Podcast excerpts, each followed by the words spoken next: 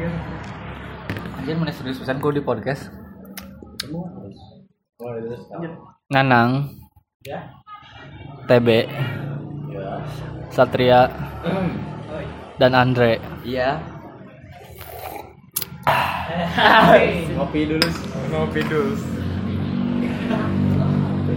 Ini akan sangat berguna. Jadi kela kela kela. Untuk masa depan bangsa. Jadi saya memerlukan jawaban-jawaban kalian. Kimi-kimi tachi maksudnya. Nah, di Indonesia ini kita ini eh, sangat membutuhkan they really really need eh, suatu yang berkaitan dengan yang namanya pendidikan moral. Mari kita tidak memerlukan bahasan yang cukup luas, tapi saya perlukan beberapa apa ya, suatu yang sebut mungkin saran ya dari kalian. Yang mungkin akan saya pakai di masa depan saya ketika saya menjadi guru. Ya do- doain aja. Amin, amin, amin, amin, amin, amin. Jadi itu tidak tidak. Saya hanya ingin menjadi guru biasa. Itu moral-moral yang menurut kalian diperlukan di masa depan itu penekannya itu di sebelah mana gitu. Karena di masa-masa sekarang ini oh ya sebelum saya lanjut pasti ya di antara kita juga pasti kadang mikir gitu. Pendidikan zaman sekarang itu lebih enak gitu dalam artian kalau ngeliat anak-anak SD itu wah enak mereka nggak kayak zaman sekarang. Kita coba ubah sedikit mindset. Kalau pendidikan itu tidak selalu harus sama seperti kita gitu tapi harus selaras dengan zaman gitu kan. Tidak selalu harus sama kita dibentak pas kita zaman dulu tapi harus mengikuti zaman gitu. But minusnya kita emang udah kerasa gitu. Di perkembangan dari segi apa namanya tuh pemikiran mereka yang sekarang ataupun cara mereka berpikir dan berinteraksi sangat berbeda gitu kan nah to the point aja pertanyaannya menurut kalian penekanan yang diperlukan oleh anak-anak khususnya itu dari bawah gitu mau dari SD pas SMP ataupun SMA itu apa gitu silakan dari Andre Jangan dari saya, saya belum siap. Dari Nanang dulu. Oke, Nanang. Jadi penekanan di sebelah mananya, Nan? penekanan di sebelah mana? Kalau aku sih lebih ke penekanan di pembiasaan sih. Pembiasaan. Karena emang suatu hal itu akan menjadi karena pembiasaan itu kan ada ada mindset di masyarakat tuh suatu hal itu jangan dipaksakan. Nah, itu sebenarnya menurut aku sendiri itu salah. Karena suatu hal buat jadi suatu pembiasaan itu karena dipaksa. Orang mau mandi pagi, kalau gak dipaksa mereka gak akan mandi pagi kayak gitu orang misalkan kalau mau bangun tidur pagi kalau nggak dipaksa misalkan dibiasain setiap hari nggak akan bisa. Jadi pembiasaan-pembiasaan yang emang dilakukan secara apa ya secara ber hmm? Skala rutin. rutin rutin dilakukan. Jadi akan jadi suatu pembiasaan. Nah yang bedanya ya dari zaman dulu hingga zaman sekarang sebenarnya nggak ada yang jauh beda. Dulu HP ada zaman kita zaman SMS-an kita sering. Cuman kan karena emang pembiasaannya karena emang masih jarang. Cuma bedanya itu aja emang masih jarang. Teknologi kan masuknya emang apalagi teknologi kayak berskala Android kayak sekarang tuh emang beda banget sama zaman dulu. Kita lebih mencari kegabutan. Kita gabut tapi kita gak punya media. Caranya gimana? Ya kita main permainan yang tradisional. Tapi sekarang anak-anak tuh dalam hal gabutnya itu dilakukan dengan cara ya emang sekarang udah lebih gampang gitu kan buat ngusir kegabutannya cuma itu aja jadi kalau media yang dilakukan zaman dulu adalah dengan penekanan moral dalam pembiasaan misalkan di permainan kenapa nggak diterapkan sekarang di permainan yang sama tapi dengan teknologi yang berbeda dengan pemakaian teknologi gitu menurutku tuh kayak Itu kayak gitu. itu agak susah. iya Susah soalnya gimana caranya kita nekanin moral dari teknologi. Maksudnya gini deh, kita mau main kompleks apa sih? Masalah apa sih namanya? Eh, masalah nyata bukan nyata konkret bukan konkret sih? Real. Real bukan mungkin real apa ya? Teknis. Teknisnya. Masalah teknisnya. Masalah moral tuh kan kayak dia ngomong nggak sopan terus misalnya dia duduk di kursi begini jongkok terus ngomong ke guru pang manggil nama itu itu pada sih iya sih. Enggak cuman kalau misalnya di game kita kan nggak bisa ngatur sem- hal semacam itu dalam game gitu. Kan kayak ya gimana lu mau ngajarin ngomong sopan di dalam game? Ngomong sopan di dalam game. Nah, justru menurut menurut aku bang kayak gini bang, perlunya pengawasan itu harus. Orang tua zaman sekarang rata-rata kan lebih memilih anaknya senang, lihat lihat anaknya senang aja, tapi nggak melihat sisi baik, sisi buruknya.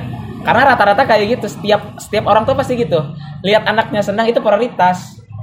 Tapi baik dan buruknya itu tidak dipertimbangkan. ini deh simpelnya kan kayak misalnya main ML tuh ML kan woi anjing itu tengah kosong nah itu kan orang tua mau ngawasinnya kayak gimana itu teknis mengawasinya. Nah, misalkan gini, em, balik ke pendidikannya ya, misalkan em, banyak di pendidikan zaman sekarang misalkan kan banyaknya yang nyalahin ke kurikulum lah atau sistemnya yang salah lah, cara kerja eh, banyak yang kayak gitu. Nah, medianya itu misalkan gimana ya? Jadi sebenarnya ya pembatasan dari orang tua tuh kayak gini bang. Misalkan ya seenggaknya orang tua tuh bisa pantau HP anaknya gitu kan. Sebenarnya sih orang tua harus lebih pinter sih, harusnya kayak gitu. jadi kayak dia ngestokin WhatsAppnya isinya apa aja Ya lebih bagus menurut, menurut saya sih lebih bagus. Iya. Karena Iya. itu pemantauan yang harus Di- berkala itu harus gitu. di stok ada isi petek kok jadi jadi aturan-aturan yang lama tuh kayak gini bang hukuman misalkan hukuman dari orang tua tuh perlu misalkan anak anak-anaknya udah agak keluar batas nih wah ini anak gak- udah udah mulai gak beres nih Bentar, aku mau nanya. Kalau gitu eh, kan anak-anak kan pasti di HP-nya juga punya privasi ya kan. Nah itu gimana caranya kalau misalkan anak itu punya privasi dan gak mau diliatin ke orang tuanya? iya contoh link Gimana kan itu? Privasi, Coba, kan? mohon maaf. privasi kan tuh tadi kan kita gak gak bilang usia mana anak ini harus diawasi kan kita nggak mikir umurnya di mana tapi buat umur ya misalkan kalau skala anak kecil misalkan anak SD bahkan TK TK eh, maksudnya TK SD itu pasti pemantauannya harus berkala karena pembibitannya di situ. Pasti di situ lah. Jadi maksud lo anak TK anak SD tuh nggak punya privasi? Ya, maksudnya bagi nggak ada, bang. Karena privasi sesungguhnya adalah dipantau oleh orang tuanya. Privasi bagi mereka adalah orang tua. Iya, Oke iya. oke. Gini gini. Oh, iya, benar. Eh. Oke, orang orang mau mulai bicara. Tapi tadi pertanyaannya apa? pertanyaannya adalah dalam pendidikan moral yang diperlukan. Oke, moral itu apa? Menurut anda sendiri apa? Saya jawab. Enggak. Kan an- Anda bertanya, menurut Anda itu moral yang Anda pahami seperti apa? Baik. Moral. Saya akan menggunakan definisi, definisi yang sama. Moral itu yang sangat berkaitan erat dengan yang Moral itu yang sangat berkaitan erat dengan yang moral itu. Eh anjir. Udah jadi pode guys diatur kata-kata teh. Itu adalah sesuatu yang berkaitan erat. Dengan yang namanya sifat seseorang, kebiasaan seseorang, respon seseorang terhadap apa yang akan dia apa namanya teh dihadapkan. Jika perlu diumumkan atau dispesifikkan lagi, kita bisa melihat moral seseorang dengan melihat ketika ada seorang membutuhkan bantuan, responnya itu seperti apa. Apakah dia akan membantunya? Apakah dia akan melakukan atau meninggalkannya? Atau melakukan hal yang di luar dengan pemikiran manusia?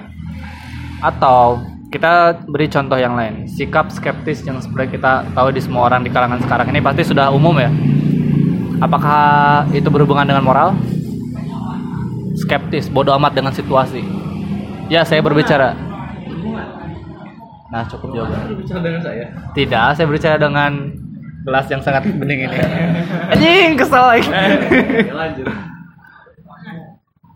Anda sepertinya sudah mendapatkan apa pondasi putih-putihnya, jadi saya kembalikan mic-nya. Jadi secara simpel moral itu adalah sikap seorang terhadap sekitarnya. Bisa gitu. Nah, inti gitu. Jadi gini, segala sesuatu itu dari podcast sebelumnya ya, atau dari obrolan kita sebelumnya, saya ya, bilang gini. dengarkan mereka podcast sebelumnya. Iya. saya saya ulang ya gini. Eh, jangan apa ya menghiraukan atau jangan meremehkan, jangan melupakan hal-hal kecil. Kadang hal-hal besar itu berawal dari hal yang kecil. Contohnya seperti ini. Hal kecil yang salah sejak saat kita kecil dan dibiarkan oleh orang tua itu akan terbentuk dan akan menjadi suatu kebiasaan buruk yang akan tertanam terus sampai kita dewasa. ya, betul. Nah, itu hal kecil yang dulu orang tua itu menganggap ah nanti juga dia tahu sendiri. Paling nanti juga dia ben- tahu benernya kapan gitu kan. Nah, itu tuh hal kecil yang perlu diantisipasi oleh orang tua untuk tidak terjadi. Nah, tadi pertanyaannya apa? ya satu kali lagi lah yang harus ditekankan dalam pendidikan moral Oke. Aduh, sampai hafal saya Di mah. sini itu hal yang harus ditekankan dalam pendidikan moral jika konteksnya itu dalam manusia dan dari awal kita ambil dari kecil. ya Yang sangat berpengaruh adalah pendidikan orang tua, kedua sekolah dan tiga adalah lingkungan permainan di rumah. Ah, sebenarnya itu agak bullshit sih Kenapa? maksudnya gini kalau kita akhir-akhirnya ujung-ujungnya harus ber apa ya berserah diri sama pendidikan di orang tua pendidikan di keluarga kita gimana caranya untuk mendidik keluarga? Ya keluarga kan ya, itu privasi mereka gitu mau ngatur anaknya kayak gimana juga ya itu urusan mereka. Jadi kita ya mau nyalahin mereka ya itu privasi mereka mau ngatur juga agak susah. Nah, dengan adanya pergaulan, dengan adanya pengaruh atau kebudayaan masyarakat, kita gaul dengan teman sekolah, teman di rumah, lingkungan, pemikiran kita bisa terbuka. Kenapa kita berbeda? Kenapa orang-orang itu melakukan hal demikian? Kita akan mulai berpikir karena pada hakikatnya manusia adalah hewan yang berpikir, yang diberi akal oleh Tuhan untuk mengemban amanah berat yang telah mereka sanggupi. Nah, dari sini kita harus benar-benar bijak untuk menggunakan akal. Tentunya ketika anak kecil itu mereka tidak akan sadar mereka menggunakan akal pikirannya, tetapi mereka secara natural, naluriah menggunakan akalnya dengan rasa penasaran yang sangat tinggi. Dari situ, kita perlu mengarahkan teman kita atau kita sebagai orang tua itu untuk mendidik dan mengurus, mengarahkan anak kita pada jalur yang benar. Ya, itu kan sudut pandang kita sebagai orang waras mendidik seorang anak. Iya. Masalahnya adalah kebanyakan orang tua tidak waras. Ah, contoh orang tua yang nggak waras. Kita nggak usah ngeliatin, apa nggak usah ngomongin contoh orang tua yang tidak waras. Tapi adalah contoh orang yang tidak waras. Enggak, maksudnya anak-anak yang tidak berakhlak sekarang banyak. Itu kenapa? Karena orang tuanya tidak waras juga. Karena tadi kan kita bahas adalah pendidikan pertama yang paling penting adalah pendidikan akhlak dalam keluarga. Ya ibaratnya kayak asuh orang anak yang sebagai kayak cuma kertas putih kan, yang warnanya orang tuanya. Ya jadi tuh kalau ngomongin dampaknya ya dampaknya udah kerasa banget. Kayak gini, manusia adalah makhluk yang berpikir. Ya. bisa dibilang pengaruh yang sangat besar itu adalah di keluarga. Tapi ketika si anak udah beranjak dewasa, dia akan membangkang atau mulai berlawanan argumen atau pemahaman yang dia pahami dengan apa yang orang tua berikan. Dia akan mulai berpikir dan dia akan terus jika orang itu menggunakan akalnya dengan benar, dia akan mendalami apa pun yang dilakukan. Dia akan berpikir apakah ini perlu. Dia akan berpikir apakah ini penting gitu. Apakah harus dilakukan? Oke, jadi menurut lo gimana? Nih, kan masalahnya gini nih. dipendam dari tadi ya, udah disiapin tuh. Iya. Udah udah siap. tuh di otaknya wah, mereka berdua bodoh. Sebenarnya bisa, tuh bisa dijadiin tesis ini, bisa dijadiin tesis. Jadi tuh gimana nih? Nih kan orang tua, an anak berpengaruh sama orang tuanya. Tapi ka itu nggak bisa dibenarkan karena seorang anak itu sebenarnya harus nalar sendiri orang tuanya salah. Nah, jadi menurut lo yang harus dibenerin orang tuanya apa anak? Nah, yang harus dibenerin sebenarnya orang tuanya. Soalnya orang tuanya itu kan yang mendidik dia. Harusnya harusnya diajarkan dong kan gimana cara sopan santun yang benar ya kan gini-gini apa sopan santun segala macem lah kayak gitu-gitulah. Nah, biar anak itu gedenya tidak membangkang. Jadi yang gila itu sebenarnya orang tuanya. Kalau dia nggak ngajarin. Nah, ntar saya saya mau menyanggah pernyataan ini nanti. Siap. Setelah anda selesai. Oke, udah selesai. udah. Oke. Nah, masalahnya gini. Saya saya dulu. Oke. Siap. Orang tua kan, ada yang bilang, anda bilang untuk memperbaiki orang tuanya. Tapi orang tua itu anak juga. Bener. Jadi orang tua mana ini yang anda anda tunjuk? Iya maksudnya orang tua itu kan apa ya? Imbas dari orang tua yang sebelumnya. Nah ini jadi akan terbuat sebuah siklus Lingkaran setan. lingkaran setan. Jadi menurut anda gimana? Nah, menurut Bapak gimana ahli pendidikan? Bukankah Kita jadi terjebak loh. sebelum ke saya ada yang lebih menarik lagi? Oh iya benar. Yaitu jawaban dari Satria tersendiri. dari Nah, seorang Satria wibu senja, wibu senja Nah, pasti wibu senja. apa? Jadi pertanyaan tadi yang terakhir apa? Eh bentar, orang, orang mau menjaga pernyataan Andre. belum ada suara. Tadi. Tenang, moderator Anda dikendalikan. Gimana? Jadi menurut Anda tadi itu yang salah dalam adalah orang tuanya. Betul. Dari awal saya udah bilang ada tiga faktor yang paling penting dalam membentuk manusia. Yang pertama adalah keluarga yang perannya sangat tinggi. Kedua adalah sekolah yang dia lama sekali di sekolah dalam sehari-hari. Ketiga adalah lingkungan di rumah atau lingkungan sebaya di rumah ketika dia main. Ketika orang tuanya tidak sanggup untuk mendidik anak, ada sekolah. Alternatif lain untuk mendidik si anak jadi lebih baik ketika orang tua tidak mampu. Tapi itu kan kok masa orang tuanya nggak mungkin dong nggak ngajarin apa-apa ke anaknya sebelum dia ke sekolah kan nggak mungkin dong dia di sekolah berbicara toksik toksikan pasti diingetin sama orang tuanya nak kamu jangan ngomong yang kotor-kotor di sekolah kamu bikin banyak teman nanti kalau kamu ngomong yang kotor-kotor nanti kamu nggak banyak teman Menurut saya itu adalah salah penyampaian. Penyampaian. Pasti orang itu orang tua itu menyampaikan. Tapi nyampainya, eh lu anjing jangan ngomong anjing anjing. Nanti lu tuh jadi orang miskin anjing. Iya, kita lain toksik nih contohnya nih Oke, itu nanti tolong disensor. Iya sih, bagus. Ya. itu gimana? Jadi kalau menurut saya tuh Mau bayar sekarang? eh, empat dulu.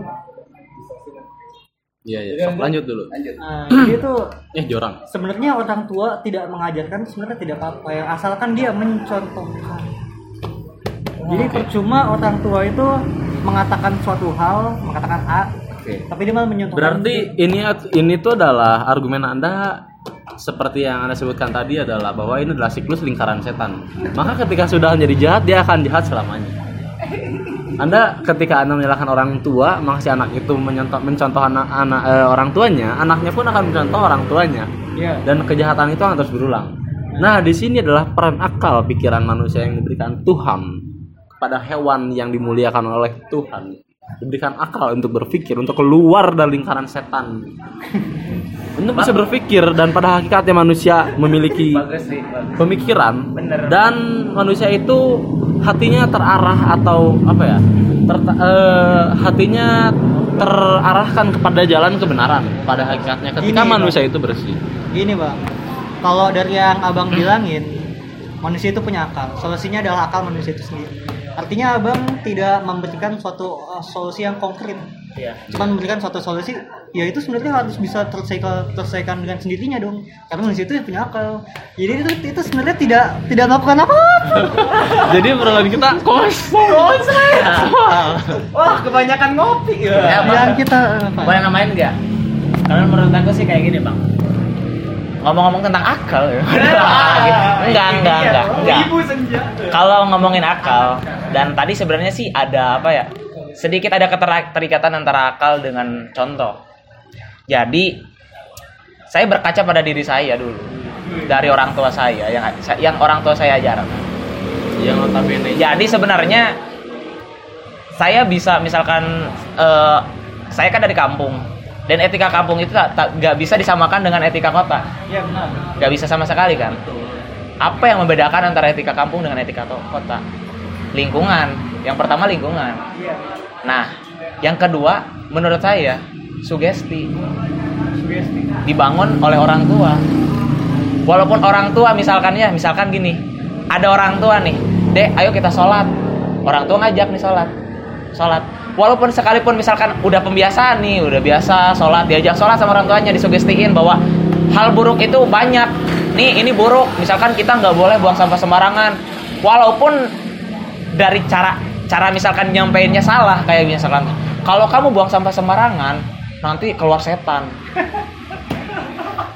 misalkan iya misalkan kayak gitu jadi misalkan sampah yang kamu buang itu nanti bakal jadi apa justru sugesti-sugesti kayak gitu tuh emang buruk. Tapi seiring berkembangnya waktu orang pasti bakal punya akal. Itu enggak tapi dengan sugesti yang awalnya salah tapi manusia udah berpikir karena punya akal itu tuh nggak ada. Tapi ini baik. Dan gue misalkan udah ngerasa gue yang lakukan gue yang lakukan itu baik dan emang ini kalau gak gue lakukan saya rasa bukan diri gue. Penanaman sugesti emang perlu. Karena gue ditanamkan sugesti oleh orang tua walaupun orang tua gak secara langsung misalkan orang tua mencontoh kita eh kita mencontoh dari orang tua. Sekali-kali misalkan orang tua misalkan nih kok orang tua gue gak sholat sih? Tapi gue biasa sholat. Walaupun orang tua kita salah tapi kita masih tetap di tahap yang benar. Kayak gitu. Eh, gini ini balik lagi ngomongin sugesti yang efektif ya. Ini gua gua gua gua sebelumnya minta maaf sebelum dulu nih. Enggak lu salah saat kafir. kafir. Eh, gini. Gua mau nanya secara apa ya? Secara Intim. Ya intim. Lebih intim. Sama Bang TB sama juga. sama Nanang. Orang tua lu pada ngajarin sugesti untuk tidak merokok nggak? Enggak. Kalau Sugesti. orang tua itu hanya sebelah. Tidak untuk tidak merokok. oh iya tidak merokok Ah, enggak, jika jawab iya atau tidak aja. Sebelah. Tidak. enggak Abang, Sebelah. sebelah maksudnya apa? Ibu iya, bapak tidak. Ibu iya bapak dia. Nah ini kan apa ya? Ada suatu kegagalan dalam sugesti ini. Menurut abang tuh kenapa sugesti itu bisa gagal gitu? Jadi kayak ya udah ditanamin tapi sia-sia gitu. ah Ah, di sini saya berpendapat. ada ada lagi Gini, gini. ini ini ini ini dia nih Sebenarnya sebenarnya nih yang saya tangkap itu itu lebih ke doktrin bukan sugesti. Jadi doktrin itu sebenarnya ditanam paksa kepada akal pikiran manusia supaya dilakukan berul- eh, dilakukan supaya dilakukan dengan cara diberikan berulang-ulang sehingga tertanam dalam alam bawah sadar yang secara enggak langsung dan tidak sadar itu Jadi dilakukan. sugesti. sugesti Itu doktrin. Itu doktrin. Tidak. Tidak. Tidak, itu doktrin. Bedanya doktrin sama sugesti apa? sugesti dong Saya tidak mau sama ya, maaf. saya bukan wibu, saya penyuka Jepang. Kau wibu. saya bukan saya bukan wibu, saya otaku, Pak. Jadi di sini harus ada penyelasa, penyelarasan dulu pemahaman. Penyamaan definisi dulu. Jadi pertanyaannya apa? Kenapa sugesti tadi tidak worth? Tidak worth. Itu karena makan apa? Apa ya? Ma- Makanan yang diberikan orang tua kepada anak mempengaruhi cara pikir si anak. Nah, itu satu. Kedua adalah dari si orang tua itu mendidik anak. Ketiga cara dia bergaul di lingkungan sekolah. Balik lagi ya. Balik lagi. Terakhir itu cara dia bergaul di lingkungan rumah ada empat tuh. Tadi bilangnya tiga. oh Gitu ditambah ya? tadi apa yang pertama Tadi kan apa cara orang tua mendidik anak? iya terus loh kok jadi empat dua koma sudah malam makin liar Ah, jadi untuk pertanyaan Nanang yang tadi itu apa? Pertanyaan saya. Oh Iya, iya, iya. apa pertanyaannya? Kenapa sugesti itu tidak berjalan dengan baik? Karena si anak itu tidak menerima. Oh, tidak menerima. Kenapa Dia anak kita gini tidak gini menerima? gini. Eh, kenapa saya dilarang nggak boleh melakukan itu? Iya. Terus orang tuh cuma ngelarang nggak boleh pamali. Nah, oh, anak itu memiliki sifat alamiah itu penasaran. Ketika makin dilarang dia makin penasaran. Kenapa nggak boleh gitu kan? Jadi Tapi apa dampaknya? Akhirnya dia coba ah gitu. Kok nggak ada apa-apa sih? Ah, gini, itu gini. perlunya Berarti pendidikan yang diperbaiki. orang tua adalah tidak memberikan kejelasan dan terhadap kenapa hal itu dilarang. Oh tidak, di situ menurut saya ada miskomunikasi. Ah? Jadi apa yang orang tua berikan itu tidak tersampaikan tujuannya kepada si anak.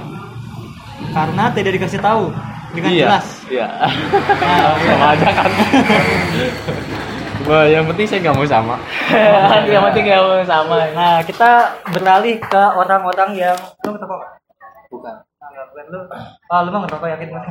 Kagak, nggak ngerokok, nggak ngerokok, ngerokok dikira toko. Nah, ini menurut lu sugesti apa yang orang tua lu tanamkan sehingga sampai sekarang lu belum merokok? Nandre dulu dong. Andre dulu.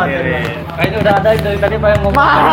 tadi terus. Ah, kemarin semua bodoh. Sebenarnya ini jawaban yang paling benar nih Andre itu. Mukanya udah kayak gitu. Kan gue yang tahu gitu, diam dulu. Karena kenapa saya ditanamin sugesti begitu, cuman saya tetap bisa nggak ngerokok karena saya itu eh, udah punya cara sendiri kan untuk menghilangkan kebiasaan mengerokok, mengerokok gitu. Karena eh, soalnya kan orang-orang kalau lagi stres ya, biasanya kan ngerokoknya, lari ngerokok, ya kan. Eh, kalau kalau saya pribadi, saya mah kalau stres ya main game, terus nonton anim, terus untuk menutupi kebiasaan merokok itu. Nah, kita punya topik baru tapi oke. tapi gini Sebentar, gini, gini nah sebentar. menurut udah menurut gua ngerokok itu bukan karena stres. Penyebab pertama kali ngerokok. Bukan kan? Tapi karena coba-coba. Bener gak kalau disebut coba-coba bagi sebagian orang iya. Nama tolong namanya disamarkan jadi Iya, mawar. iya enggak enggak. Kalau bagi sebagian orang emang coba-coba, tapi bagi seorang yang sebagian orang yang lain menurut saya kembali lagi pada topik yang yang pertama ialah di mana em, lingkungan yang jadi faktor utamanya. Itu faktor utama dari yang pertama kan faktor utama itu lingkungan. Itu lingkungan yang membangun mereka buat jadi suatu kebiasaan. eh, interupsi. Kalau ling kalau lingkungan, kok saya sering di lingkungan yang ngerokok sebelumnya, sering banget sama teman yang ngerokok, semuanya ngerokok, tapi kok saya bisa enggak? Coba jelaskan. Bener banget, bener banget. gimana tuh nah? Nah, berarti kan tadi eh, kita udah bahas gimana tuh kenapa kita yang menjadi faktor utamanya pertama lingkungan. Karena ya emang ada beberapa orang yang eh, apa contoh kasusnya seperti Andre, dia bilang bahwa rokok itu bisa jadi pelepas stres bagi sebagian orang dan lu bisa eh, ngelepasin stres lu tuh ke game. Tapi dari beberapa orang yang lain ada bahkan banyak dari orang-orang yang berpikir bahwa rokok adalah style gaya hidup itu yang bikin mereka bisa mengangkat rokok itu sebagai sebuah ini ini hidup gua gitu kan. Rokok itu bagi gua gak hidup. Kalau gue gak ngerokok berarti gue gak hidup. Kayak gitu. Jadi untuk lu sendiri lu menganggap rokok itu Woi, bilang kan udah. Gue banget. Ya. Sebentar, ya. sebentar, sebentar, sebentar. Ini kalau kita pahami, ini tuh kayak tadi kayak Bang Satria bilang, ini ada lingkaran setan.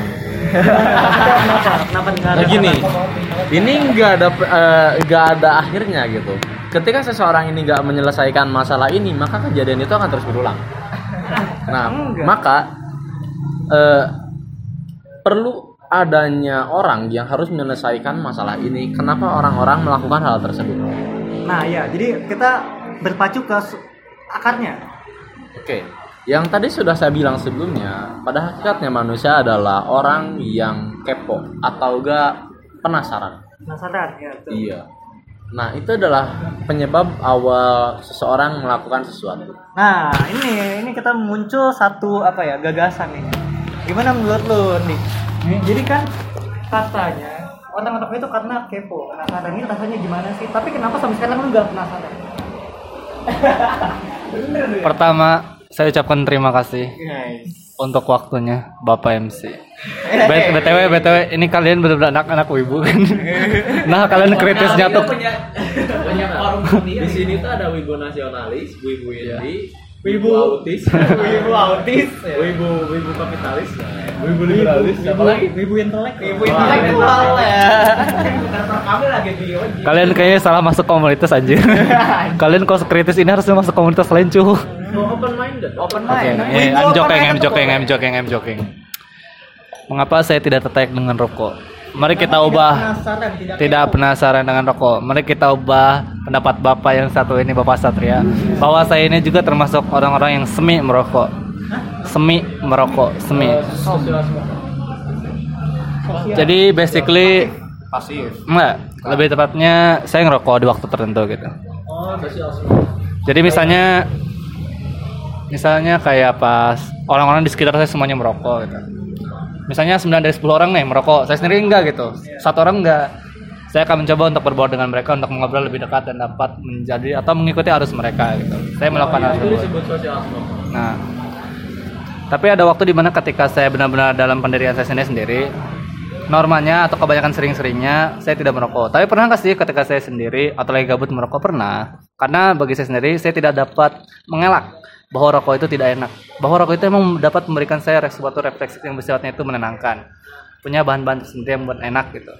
Tapi saya nah, tapi saya sendiri yang tahu juga gitu akan efeknya dan sudah mendapatkan langsung waktu dulu. Dalam artian dulu saya udah kena duluan kankernya cuy.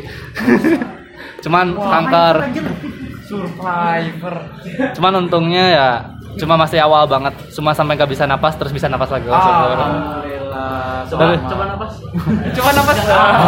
dia udah ngerokok Mantan perokok berat lebih tepatnya. Soalnya sehari kalau tidak sebungkus itu tidak uwu banget. Tidak uh. Kan goblok ya. Dapat itu ya akhirnya saya mencoba untuk berhenti dan akhirnya benar-benar full total berhenti. Tapi semakin maju, semakin maju ternyata rokok juga saya pikir lumayan enak. Dan artian tidak digunakan sering, cuma sekali-kali gitu. Mungkin bisa dihitung sebulan sekali sebatang atau mungkin dua bulan sebatang. Terserah mood saya sendiri, saya pikir perlu atau enggak seperti itu. Pertanyaan yang awal tadi apa? gini gini kita balik ke kasus lu dulu Oke. kenapa lu pertama kali merokok Pernah kenapa? kenapa pertama kali lu merokok Oke, pertama kali sesuai dengan teman-teman saya selaras linear dengan Nanang lingkungan. Dulu itu yang namanya kalau nggak ngerokok itu nggak cowok di lingkungan aku itu disebutnya gitu. Jadi saya itu sering disebutnya banci gitu. Kenapa nggak ngerokok banci? Tapi saya sering dilarang untuk merokok gitu. Sering diingetin sugestif dari orang tua. Namun sugestif dari orang tua yang sering ditanamkan itu bobrok ketika saya lebih lama waktu kecil itu kan sering bermain di luar ya. Taunya itu dititipin sama teman-temannya orang tua. Terus kita main sendiri-sendiri gitu kan entah diajak main ke mana atau ke mana lalu ada teman-teman saya ngelu- ngeluarin rokok katanya di kenapa nggak ngerokok? Jangan. Ih kayak cewek. Sehari dua hari akhirnya dua bulan kemudian akhirnya saya mengikutin. Mencoba-coba awalnya yang awalnya menghisap aja nggak keluarin. Nah yang awalnya tidak mengeluarkan asap ketika disedot akhirnya saya mulai bisa menyedot rokok dan mengeluarkan asapnya. Dan saya pikir itu something yang cool gitu. Seperti itulah simpelnya. Lalu akhirnya menjadi adiktif. Enak menyenangkan dan saya merasa saya ini diterima, oleh lingkungan sekitar saya dan di situ saya membuat rasa saya senang dan tenang. Basically itu saat saya masih SD ya. Jadi rasionalitas saya masih belum terlalu tumbuh. Yang taunya itu taunya itu lah kayak ini benar kalau mereka melakukan ini berarti mereka benar. Banyak orang melakukan ini berarti itu benar. Itu kan rasionalitas waktu SD gitu kan. Next, pertanyaan awal apa? Mengapa saya tidak terpengaruh untuk merokok? Tadi ya jawabannya Ah, sudah. sih enggak sih itu salah salah jadi sebenarnya kita bahas apa sih? Baik. Pertanyaannya adalah Kita pembahasan kenapa lu sampai nggak pernah coba-coba untuk merokok Tadi udah diubah. Udah, ya udah terjawab.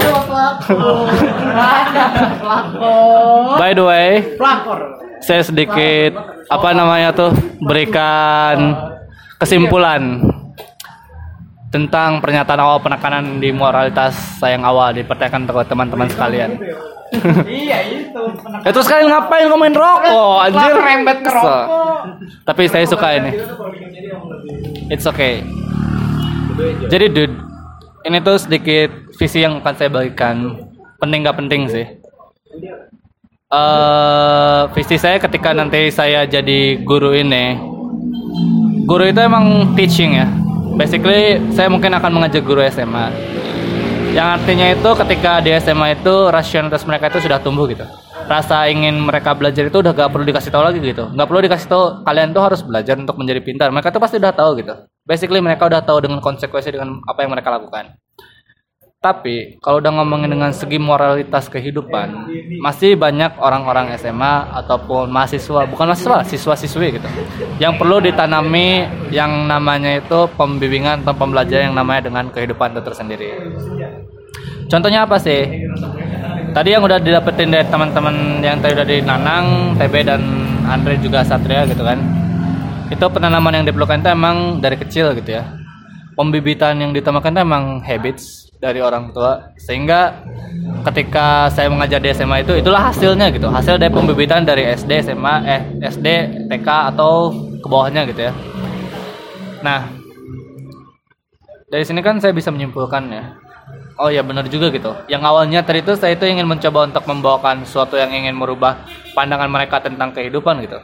Jangan sampai eh, ke depan ke depannya itu anak-anak khususnya siswa siswi gitu kan untuk anak-anak SMA atau lebih gampangnya bangsa gitu. Masa depan anak-anak bangsa kita ini mulai hancur dikarenakan kurangnya moral dalam pendi- pendirian mereka gitu. Moralnya itu apa sih yang saya obrol omongin dari aku itu dari awal gitu? Moralnya itu bisa kita lihat dari segi kehidupan segi respon mereka terhadap sekitar. Contohnya seperti ketika ada orang apa ya membutuhkan bantuan. Skeptisme dalam artian kehidupan masyarakat saya itu sangat tinggi gitu. Atau kebodohan-kebodohan seperti critical thinking mereka yang masih belum berkembang saat SMA mudahnya terpicu dengan judul-judul apa namanya tuh website yang benar-benar sangat langsung disebarluaskan tanpa mencari tahu dan kebenaran itu sangat benar diperlukan gitu. Nah, visi yang saya gunakan nanti untuk waktu SMA atau menjadi guru nanti, selain mengajar, karena mengajar untuk membelajar itu emang udah pasti mereka dapat gitu. Nah, tapi yang saya perlukan itu perubahan dari sosial-sosial mereka yang masih kurang gitu. Sehingga mereka ke depannya itu sudah mempersiapkan untuk masuk pertama ke dunia kerja dan lain-lain. Tujuan mereka bersekolah itu apa gitu? Tujuan mereka berkuliah itu apa? Kerja. Iya betul, semua akan mencari uang gitu. Namun mereka masih belum siap gitu untuk menghadapi dunia-dunia di masa depan, terutama orang-orang yang masih belum mumpuni dalam dunia skill speech atau bersosial yang mungkin speechnya mereka masih kurang gitu, lebih mementingkan kepentingan diri sendiri. Osaka dan Jepang itu terbagi atau di Jepang itu ada tiga wilayah. Salah satu itu di daerah apa ya? Barat itu kalau nggak salah daerah Osaka gitu. Itu mind your own business itu levelnya tuh beda banget. Kecuali kalau kamu ke Tokyo yang tinggi banget ya apa namanya itu kriteria kriteria dengan teknologi dan orang-orang sosial itu masih tinggi. Tapi ketika ke daerah barat dikit aja nih, nyentuh Osaka kalau nggak salah ya, itu kalau ada orang yang jatuh, ada orang yang butuh uang, nggak bakal diperhatiin. Mind of apa mind of your business itu benar-benar tinggi banget. Sekali kalian ngebantu orang tersebut, itu justru dianggap aneh. Kenapa kalian harus ngebantu ketika kalian punya urusan tersendiri? Nah itu yang perlu kita hindari di masa depan gitu dan sebenarnya masih banyak sih yang ingin saya kembangkan cuman saya sendiri juga ingin mengembangkan diri saya sendiri untuk mengajarkan mereka lebih jauh terima kasih. Teman-teman. Oke, ini ada kaitannya dengan lingkaran setan yang tadi tapi kita cukupkan bahasan lingkaran setan lalu ya itu dia tadi eh, suatu apa ya? Misi moral seorang Hamdi ya. ya kan. calon pendidik calon pendidik. yang menarik obrolan-obrolan yang cukup unik. Respon-respon yang sangat menarik. Ya. juga jawaban Ya jadi intinya adalah moral itu apa ya akan sangat lekat terhadap kehidupan kita gitu. Kita nggak bisa ngabain begitu aja. Kita harus melakukan suatu hal segala hal yang kita bisa untuk mewujudkan dunia dengan moral ini gitu. Kayak gue pernah baca suatu buku dia tuh dia cerita gini dia mimpiin orang yang kalau orang naik bis orang itu orang-orang di situ ia akan apa ya ngelihat orang tua yang berdiri dia akan langsung berdiri tanpa diminta dulu. Langsung nawarin duduk ke ininya gitu ke orang tuanya. Nah tugas kita adalah kenapa kita nggak menjadi dunia itu sendiri? Kenapa kita nggak memulai dari diri kita sendiri dulu? Nah masalahnya ketika Udah jangan dijawab bang. Ini mau ditutup. Oke di bahasan selanjutnya. See you next time. The door ya itulah pesan moral ya. Jadi tetap semangat, tetap baik-baik saja dan wassalamualaikum warahmatullahi wabarakatuh. Waalaikumsalam. Oke kita cukupkan dulu bahasan